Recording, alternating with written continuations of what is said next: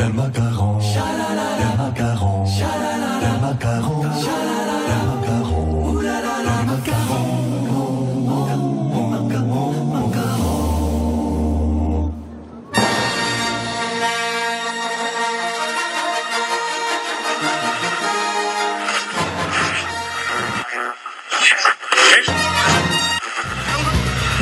Det här är Rebellradion. Vi pratar allting Star Wars. Star Wars-pratradio när det är som bäst. Välkomna!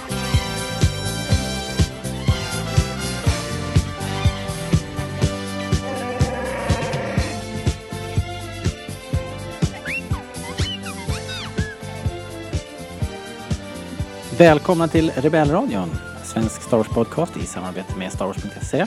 Du har hittat till eh, våran Mandalorian-podd, lite after show. Vi går igenom vad som händer, vad som sägs och vad det betyder eh, varje vecka. Och eh, idag har vi kommit till eh, del 12, belägringen, eller The Siege på amerikanska. Eh, regisserat av Carl Weathers, no less.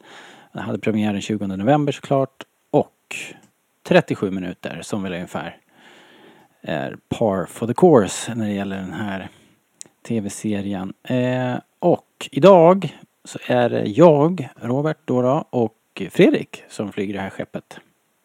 Välkommen Fredrik. Ja, tack. Bara vi. Ja, Det oj ekar, vad det ensamt det känns. Ja. Ja, eller hur? Roomy. Men eh, det betyder ju bara att vi får eh, tycka mer. Eh, helt enkelt. ja, det har jag ingenting emot. Nej, Precis, jag tänkte väl det. eh, men det blir kul. Det är ju um, den här serien alltså. Ja, ja, vi ska gå in på det så småningom. Men vi ska, vi ska som, försöka hålla oss till formatet kanske och köra en liten, en liten kort recap. Och eh, som du sa innan här, de blir kortare och kortare, vilket ju är bra förstås. Men detaljerna tar vi i diskussionen sen. Så, så här så här spelade avsnittet sig ut i stora drag då. När det börjar så är vi på Razorcrest, eh, en rolig scen där de håller på och reparerar. Eh, eh, och det är uppenbart att Razorcrest är i behov av mer reparationer och man då bestämmer sig för att återvända till Navarro där de ju har en säker hamn eh, där Grief Karga och Cara Dune håller till. Det har förändrats mycket sen eh, Mandalorian senast var där. Navarro blomstrar efter att alla avskum och skurkar lämnat planeten. Eh, men Imperiet har fortfarande en bas på planeringen och Mandalorian går med på att hjälpa till att förgöra den där basen. Väl inne där så upptäcker de att den här basen har använts för misslyckade experiment med barnets blod och kloning och grejer. Och ehm, eh, barnets blod har varit en nyckel till den där forskningen eftersom den har ett så högt eh, så kallat M-värde. Eh, de förstör den här basen och flyr och eh, Mandalorian och barnet reser sedan vidare mot Corvus. Och eh, när de far iväg så är de ovetandes om att en spårsändare har planterats på The Razor Crest av eh, Moff Gideons hejdukar. Och eh, där är det slut. Eh, så att eh, vi kör igång och eh, vi pratar om The Mandalorian del 12.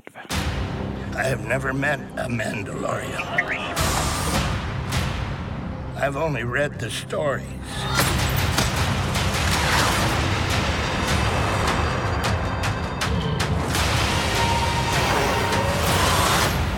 Your name will be legendary.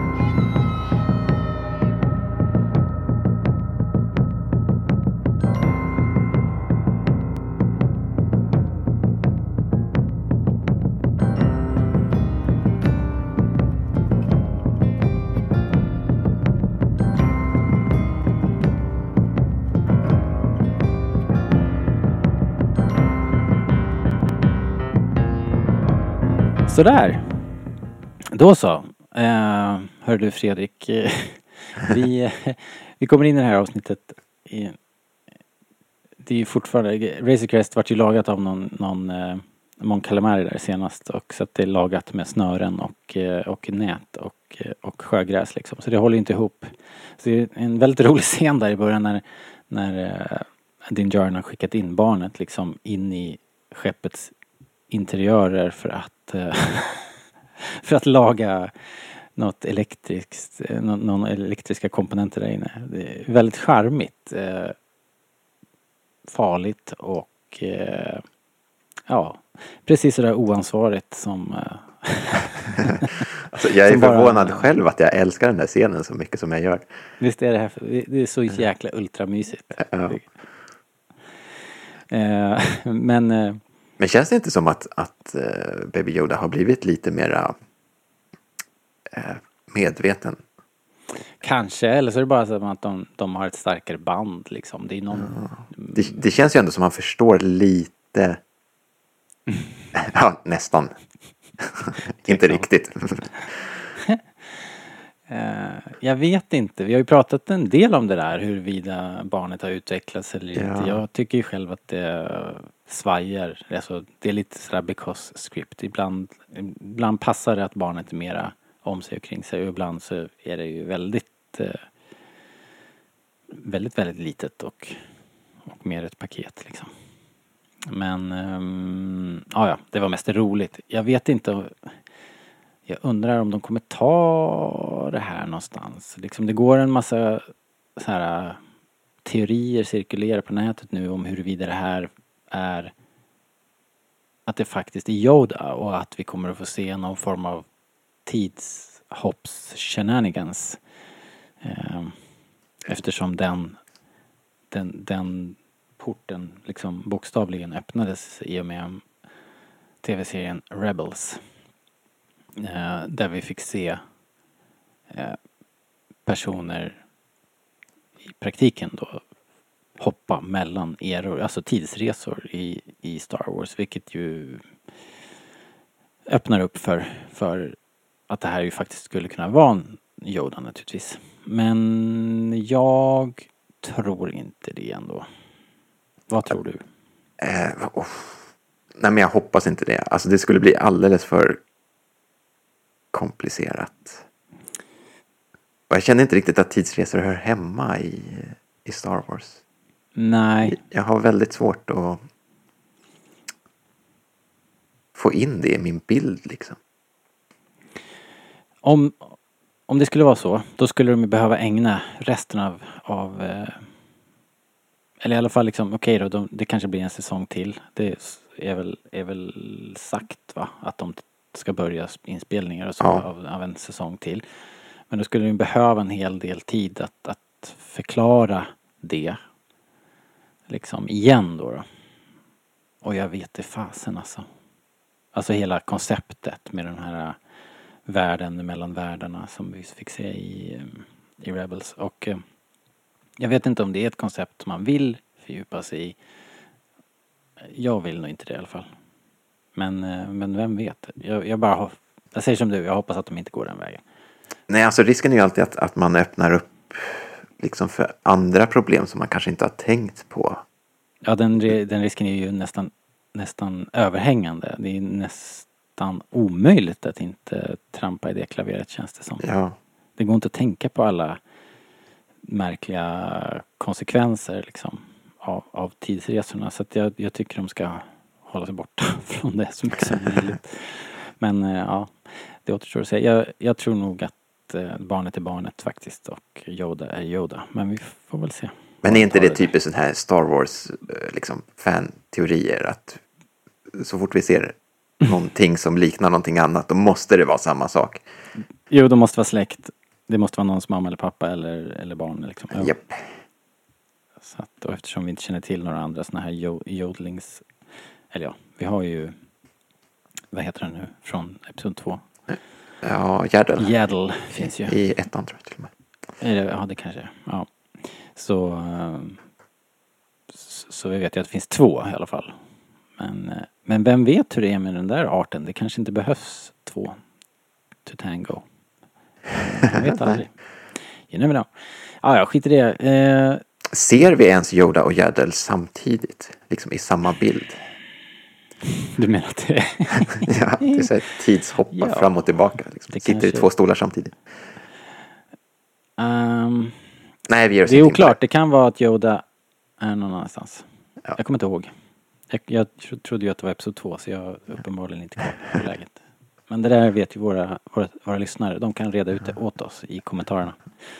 Huruvida det kan vara samma person. Om Yoda kanske är, har alternativa personligheter eller uttryck. Eh, så kan det vara. Det vet vi inte. Hur som helst, de ska ju, de ska ju ta sig in i den här basen då. Eh, Navarro förresten, Marshall Dune har ju, har ju verkligen rensat upp i den här stan.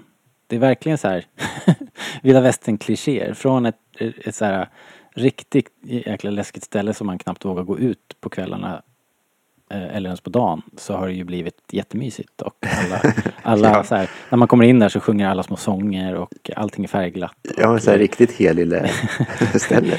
There once was a town called Rockridge.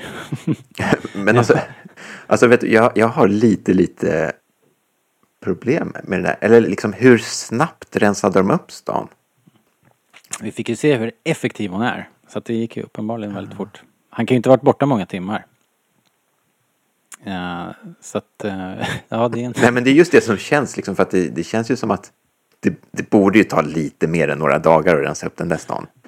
Men eh, ska vi tänka efter nu då? Det, vi vet efter, vi vet ju i och för sig inte riktigt hur länge det är mellan säsongerna. Nej. i och för sig. Så det kan ha varit några månader kanske. Men, men ändå snabbt jobbat får man, får man säga. Ja, ja. Det är inte det enda märkliga eh, liksom tidsrumsproblemet i den här avsnittet för övrigt. För de pratar ju om den här basen som att den ligger på andra sidan planeten.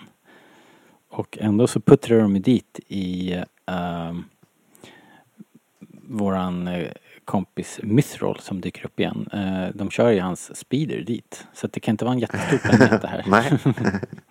Det är som att, det är som att hoppa in i sin Volkswagen och, eh, och eh, köra till Kuala Lumpur liksom. Ja. men det kan göras. Det är inte Det- omöjligt. Det är en liten, liten planet det här. Ja, det är det verkligen. Men det är okej. Det är Star Man, Wars. man kan nästan se horisonten krökas. Ja, det måste ja, precis. Eh, ja, ja, det där, allt det där är ju, är ju jag, jag kan ju säga att jag tänkte inte på det första gången jag, jag såg det. Allt det här är sånt som vi plockar upp i, i diskussionerna efteråt faktiskt måste jag säga. Folk som, som slänger ut kommentarer och har tänkt på något här och där och så, så till slut så har man ju en hel del såna här saker som kanske som man kan tycka är frågetecken men för mig när jag tittar på tv-serien så är det verkligen ingenting jag hänger upp mig på. Eh, är, det- är det så för dig? Sitter du sådär med, direkt när du ser det på fredag morgonen liksom? Eh, hänger du upp dig på sådana här saker? Eh, inte just sådana I detaljer. stunden liksom? Nej. Nej. Det, det finns andra saker som jag kan hänga upp mig på. Eh, men det där är ju mer eh, detaljer. Ja, och liksom efter analysen sådär när man börjar Ja. sätta sig och gå igenom det. Och, och vad som hände och i vilken ordning det händer. Ehm, ja, i alla fall. Den här basen då. Den visar sig ju, den var ju liksom inte bara en, en ett, ett logement utan det var ju en forskningsstation. Uh, vilket är coolt. Det var ju liksom det man hade hoppats på något sätt. Att man skulle få se och direkt när de kommer in i det här labbet med, med kloningtankar och grejer så ändras musiken. Tänkte du på det här, Fredrik? Att det blev det här eh, mullriga Sidious äh, ljudet med strupsång och Ja, just det, eh, ja. där, som det låter nästan som att det vibrerar liksom. Så att, och jag tyckte också att den här kroppen i tanken såg, alltså nog fasen såg det ut som en deformerad Palpatine. Nej, men alltså där håller ju inte jag med. Ah, jo. Nej. Eller alltså det är inte så att jag... Jag skulle ju kunna köpa att det är Palpatine. Mm. Men jag tycker inte att det är tydligt att det är han. Nej, det är... Alltså det skulle ju kunna vara, alltså för mig, alltså om vi bara utgår från liksom vad, vad man ser, Mm. skulle det kunna vara precis vem som helst. Jo, såklart. Alltså, jag Men tänker jag mer- tänker med musiken och med det här och, och alltihopa så känns det ändå som att... Men jag vill ju också att mina teorier ska vara rätt så det är väl därför. Ja, men jag tror fortfarande att det har att göra med Palpatines återupp... Alltså han... Det här är ju efter att Palpatine var på dödsstjärnan som smällde. Den andra dödsstjärnan. Så att, så att det här Men- skulle kunna handla om upp- återupplivandet liksom. Men alltså det jag tänkte på första gången jag såg det, det var ju att den här väldigt, väldigt tunna kroppen, så mina tankar gick ju mer åt Snoke-hållet. Mm. Man ser ju också något typ av ärr på huvudet. Jo men det jag tycker att den har, den har det här äh, palpatinska... Palpatine har ju nästan som två lober liksom. Ja, Äh, så, det var lite där och jag, ja. men sen är det ju någon grotesk utväxt också från huvudet. Liksom. Det Det ser är, så jävla sjukt ut. ja. Det är verkligen vidrigt. Äh, men, men också, för jag tänker det som, vad heter den här uh, doktorn? Pershing. Mm. Pershing, ja. ja. Han pratar ju om det som att det skulle vara en frivillig. The Subjects tror jag. Mm, Nej, jag tror han nämner en volunteer. Jaha, okej. Och då börjar man fundera lite så här för att eh, inte ju tusan kan ju inte Palpatine ha eh, frivilligt liksom så Det här. beror ju på. som så här, alla som tar ett steg fram eh, eller bak blir frivilliga. Nej okej, om det är så då, då låter det mer som någon super trooper koncept ju. Eh, Ja, och det är ju också det som dyker upp på slutet. Ja, det, det blir förvirrande tycker jag, för man vet inte riktigt vad de... Nej, jag undrar om det, nej, jag undrar ju om det, jag, jag tänker fortfarande inte släppa mitt Sidious-tråden men det där på slutet var ju uppenbarligen någon form av trooper. Eh, någon svart pansar liksom med hjälmar och grejer så det var ju någonting, något på gång där. En annan grej som, som jag tänkte på när jag såg om det var att när eh, den här mekanikern det här är ju i sista, precis avsnittets sista, sista bilder liksom när mekanikern som lagar Razorcrest eh, liksom rapporterar till imperieofficeraren där Gideons, på Gideons skepp att eh, de kan bekräfta att, att barnet är fortfarande med, med Din Jarin och att de har satt en spårsändare på Razorcrest. Eh, då säger den här officeraren You will be well rewarded in the new era. Eh, så att det är ju mer, mer, än, mer än tydligt om att det handlar om liksom födelsen av eh, the final order. Det måste ju vara det liksom. Ja. Det kan ju inte vara så mycket annat. Jag tycker också att det är ganska kul att de hintar om det. Mm. Jag hoppas inte att de går in allt för mycket på det spåret, men jag gillar i alla fall att det finns där i bakgrunden och puttrar lite grann. Jo, men det är klart att man vill veta ungefär, ungefär hur tidslinjen ser ut. Just, men sen håller jag med dig, man behöver inte veta allt liksom. Eh, men det är ju där i tiden vi är mellan trilogierna och allting och den här X-Wing-piloten som, som pratar med Cara Dune också. De pratar ju om, först då om Cara Dunes eh, historia, Eh, att hon förlorade allt eh, i och med att Dantooine sprängdes och, och sådär och att hon inte riktigt vill komma tillbaks till republiken eller tjänst i republiken och sådär. Jag, jag tyder i alla fall så som att han definitivt säger nej när hon lämnar den här medaljongen, vad det nu är för någonting, eh, på bordet. Men, men... Vadå, att hon har stängt alla dörrar? Ja, men var inte det ganska tydligt liksom? Hon var inte som att de stod och fingrade på den direkt liksom. Utan hon bara Äh, lämnade ju den där på bordet. Alltså jag tänker mer att man planterade ett frö inne Ja, kanske. i hennes huvud. Liksom, att, Att det är möjligt. Ja, kanske. ja. Samtidigt vad som han- det här, den här scenen som du precis pratade om. Tänkte du på det att, att man har lagt in March of the Resistance. John Williams tema från ah, nej, det hörde jag inte. sequel-trilogin. Men det är också coolt. Men däremot så säger han också, apropå det här med, med det vi pratade om alldeles nyss, att, att piloten, eh, som, Ja. vi, som vi har lärt känna nu lite grann, han säger ju också att det är någonting som pågår här ute. De tror inte på det inne i, i, i in the core world, i kärn, i liksom i universums centrum där liksom. Men, men han som är där ute och jobbar där ute känner ju att det är något skit på gång liksom. Vilket ju är intressant. Eh, och det är väl då Moff Gideons uppbyggnad av den här nya ordningen liksom, antar jag. Att det också antyder, pekar på. Eh, vilket är intressant. Alltså jag sitter och funderar så mycket på liksom, från säsong ett. För när vi var i, i den här stan så hade vi lite så här stormtrooper. Så allting såg ju så fruktansvärt skitigt och nedgånget ut. Och så nu helt plötsligt så visar det sig att fan, det finns ju så här kliniskt rent liksom jättebas där med massor av stormtroopers. Det känns inte som de två hade med varandra att göra riktigt. Alltså eh, Herzogs gäng och det här gänget.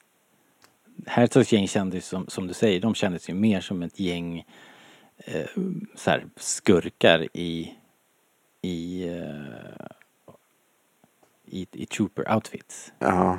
Ja, Det var verkligen noll puts och studs. Men Samtidigt har vi säger- Pershing som liksom knyter ihop de två. Så att de kan ju inte ha varit helt okända för varandra.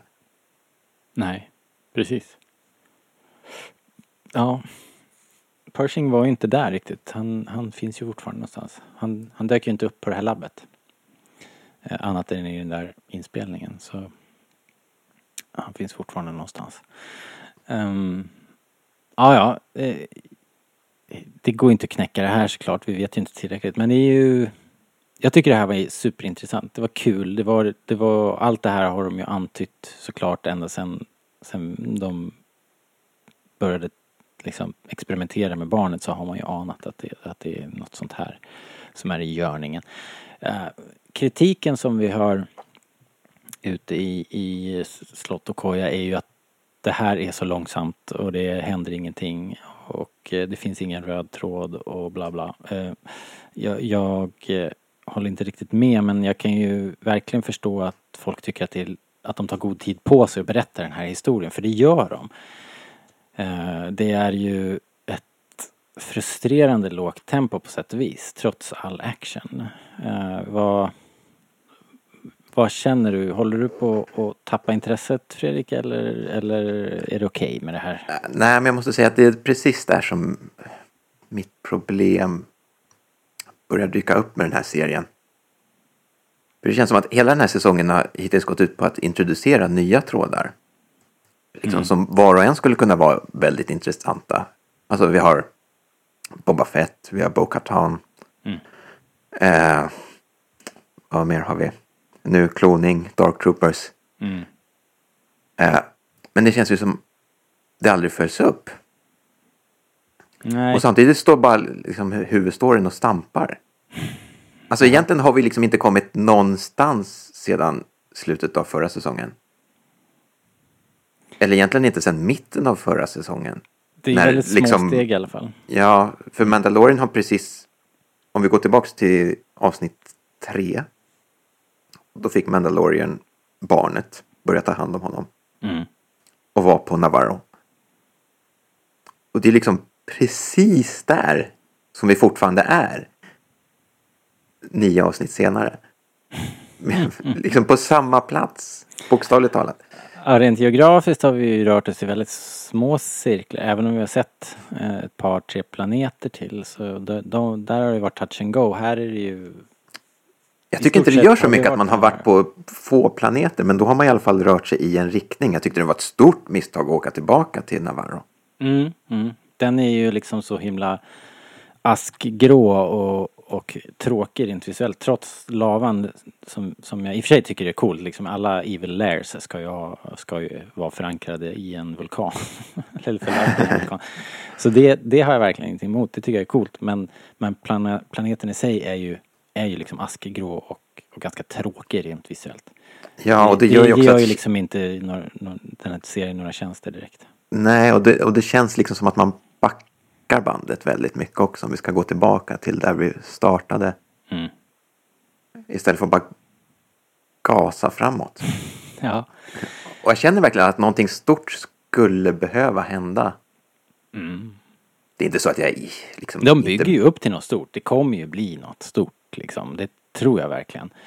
Eh, men, men jag förstår ju, särskilt om man inte har sett de, de animerade serierna. Och det finns ju gott om folk där ute som ser det här. Som inte har sett en minut av Clone Wars eller Rebels i synnerhet kanske.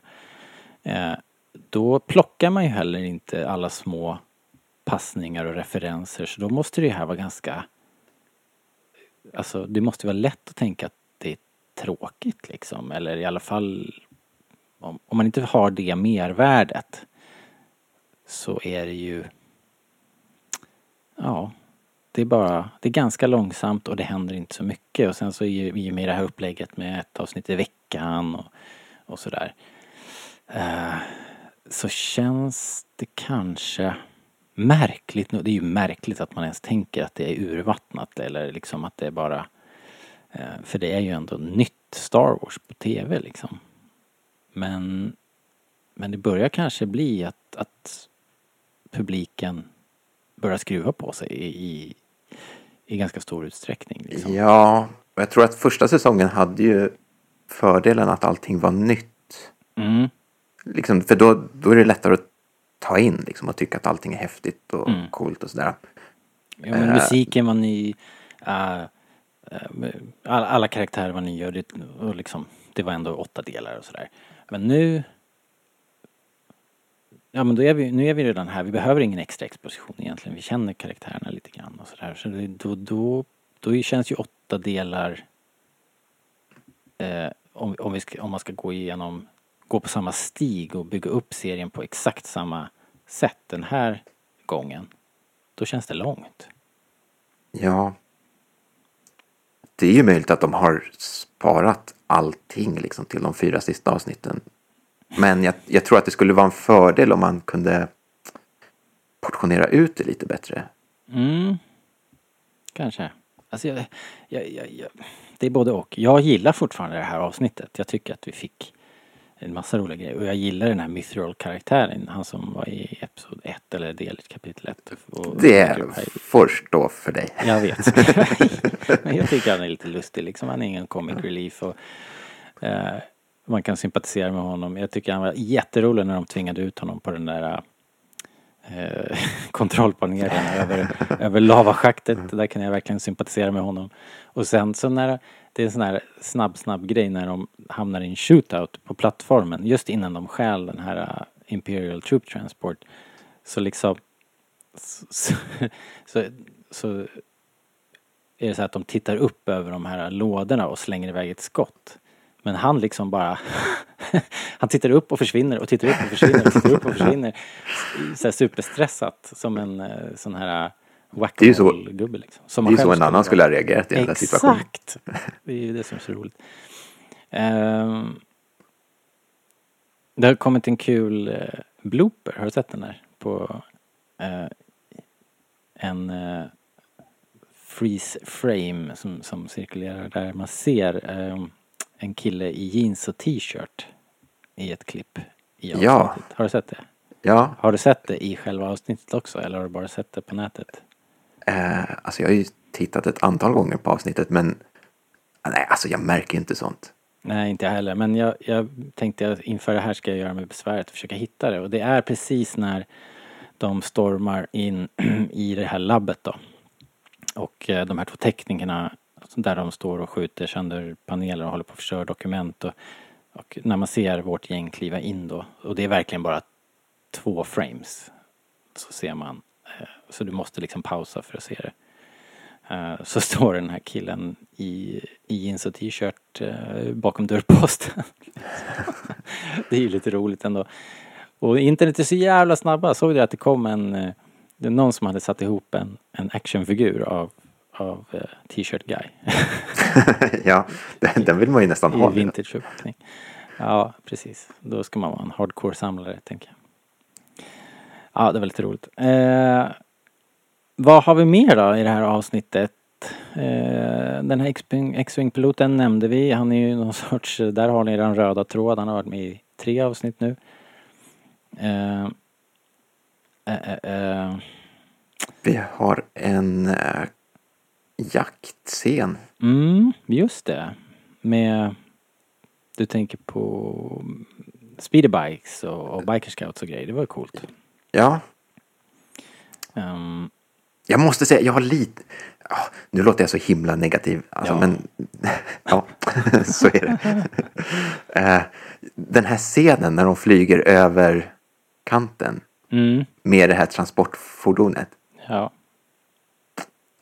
Eh, Kan inte det bli lite för mycket? Eh, Eller alltså lite för pajigt. Alltså de här eh, klippen när man ser inifrån liksom cockpiten eller styrhitten när alla sitter med uppspärrade ögon och bara "Ah!" Ja. ja, det där är inte min favoritgrej heller. Det, det som jag tänker när jag ser det där är ju, det här är ju så som man leker Star Wars när man är 12. Liksom. Och har sina actionfigurer. Då, det är då, då är det sådär.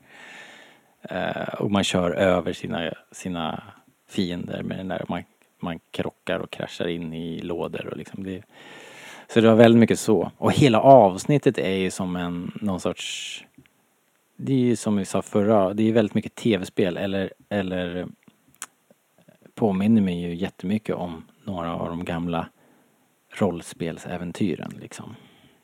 Ja, Eh, Eftersom dels för att byggbitarna är nästan exklusivt eh, original trilogy-grejer. Så, alltså saker som man har i sin leksaks, leksakslåda på 80-talet och sen just den här typen av action som du nämner, att man kraschar och hoppar och, och sådär. ja, Det känns som en lek på något sätt. Och det är inte heller min favoritgrej och det är verkligen inte det som intresserar mig i det här avsnittet. Och sen finns det ju liksom scener där, eh, eller det är ju ett klipp där en, en sån här scouttrooper åker jämsides med den här transportskeppet och blir krossat. Ja, Liksom- den är ju rätt våldsam. Jag tänkte faktiskt nämna det. Överlag. De stryper ju en kille också. Som en typ, jag menar det är ju så här sp- Special Forces move som Cara Dune gör liksom. Som går in och bara chokar en, en lirare möjligen till döds. Och sen så det här som du nämner att de bara mosar en mot bergväggen och sen så skjuter de ju en trooper som står på taket med en kanon point blank liksom. Så hjälmen Ja. lämnas. Allt det här är ju väldigt våldsamt. Även om det inte går så är det extremt våldsamt. Nej, men det är så att man hoppar till ändå. Ja, jag reagerar på det och, och andra i familjen här reagerar på det och tycker att det är för våldsamt. Och det är tråkigt för det blir inte en familjeserie då. Uh, och det är inte så Star Warsigt. Uh, eh, jag vet inte varför man valt, och så har den ju varit hela tiden. Liksom, våldsnivån är nog konsekvent från, från första avsnittet till nu, tänker jag. Den börjar ju vä- väldigt våldsamt direkt i första scenen, i Ja. första avsnittet. Så att det är nog så där de har lagt ribban. Och jag vet inte, jag tror, ty, ty, ja, att du tycker att det är våldsamt, hör jag ju. Men tror du att det är nödvändigt liksom, för att behålla vuxenpubliken? Kommer det att fortsätta så här med Kenobi? Och, jag menar, det finns ju alla möjligheter att den här spionserien med Cassian Andor hamnar på den här nivån också. Det, han, han var ju våldsam redan i Rogue One. Alltså, man har ju läst så mycket på, på nätet och hängt på forum och sånt där och man märker ju att folk vill ju ha det här. Mm. Eh, jag tycker inte att det egentligen är nödvändigt att gå precis så här långt. Nej. Eh, Det hade inte det- gjort någon skillnad i det här avsnittet i alla fall. De hade lika gärna kunnat bara, ja, de, de, hade, de hade inte behövt ha det till den här nivån. Det hade inte blivit sämre, Nej, tänker jag. Ja, ja. det, Nej men det, är- det är en intressant balansgång i alla fall. ja, men jag tänker som du att det här är det som folk har gapat efter och nu får vi det liksom. Eh, så det kanske är så. Det kanske är det nya med Star Wars. Eh, med det sagt så är ju till exempel Star Trek som går på tv nu är ju också betydligt våldsammare än, än all annan Star Trek. Så att det kanske liksom är bara den nya, nya tv-eran helt enkelt. Ja, vi får se om det fortsätter. Um, ja, men det var väl eh, liksom det. Jag har inte sådär jättemycket mer egentligen. M-värde kanske. Det säger de ju. Pershing kommer och pratar ju om att barnet har sånt högt, extremt högt M-värde. Och eh, det behöver man väl inte eh, vara något eh, superfan eller någon sorts Star Wars prodigy för att lista ut att det där är midichlorian-värde va? Alltså jag, jag, jag tyckte de fegade ur lite grann. Ja. Det känns ju som att alla fattar ju vad det betyder. Ja, beröringsskräck tänker man ändå. De gör det och inte samtidigt liksom. Eh, vilket är, Men jag, men jag tyckte att det var kul ändå. Det, det, det är bra eh, att de gör det för att binda ihop allting och så. Men gör det på riktigt då. Liksom. Eh, Ja. Det är ju ingen som missar det liksom. Så att det, ja, det var lite fegt kanske. Men, men som sagt. Eh, intressant. Eh, de satte inga siffror på det. Vi vet inte om det var over 20 000. Nej, men det är ju det man vill veta. Eller det är ju där gränsen ligger. Ja. Ja. Ja, men ska vi nöja oss så här kanske Fredrik? Vad säger du? Ja, Är vi nöjda? Ja. det... Nästa avsnitt äh, vankas det kanske med ganska stor säkerhet Asoka. Det ryktas, äh, ja, här är väl en liten spoiler då för nästa vecka. Så håll för öronen om ni inte vill veta. Men nästa avsnittstitel är The Jedi. Får vi se vem det, vem det hänvisar till. Men eh, pengarna är, krediterna är väl ändå på, på Asoka. Även om hon tekniskt sett väl inte är en jedi vid det här laget. Men men, eh, det ska bli kul och det är bara några dagar bort när ni hör det här. Så, så häng med oss in i eh, nästa avsnitt då, eh, Chapter 13 nu på fredag. Och eh, vi kommer som vanligt ut på tisdagen därefter eh, för er som prenumererar och som brukar det spridas vitt och brett på det här internet och eh, på onsdagen. Så, ehm, så ser vårt schema ut ungefär och superkul att ni hänger med och glöm inte och, och, och tala om för oss då, vad hade vi för fråga nu igen från början här? Vi hade ju, vad var det vi undrade som vi inte kunde svara på? Jag kommer inte ihåg. Ja, ja, hur som helst. Eh, ni som lyssnar kanske kan reda ut det åt oss och posta på, på eh, i våran eh, Facebookgrupp.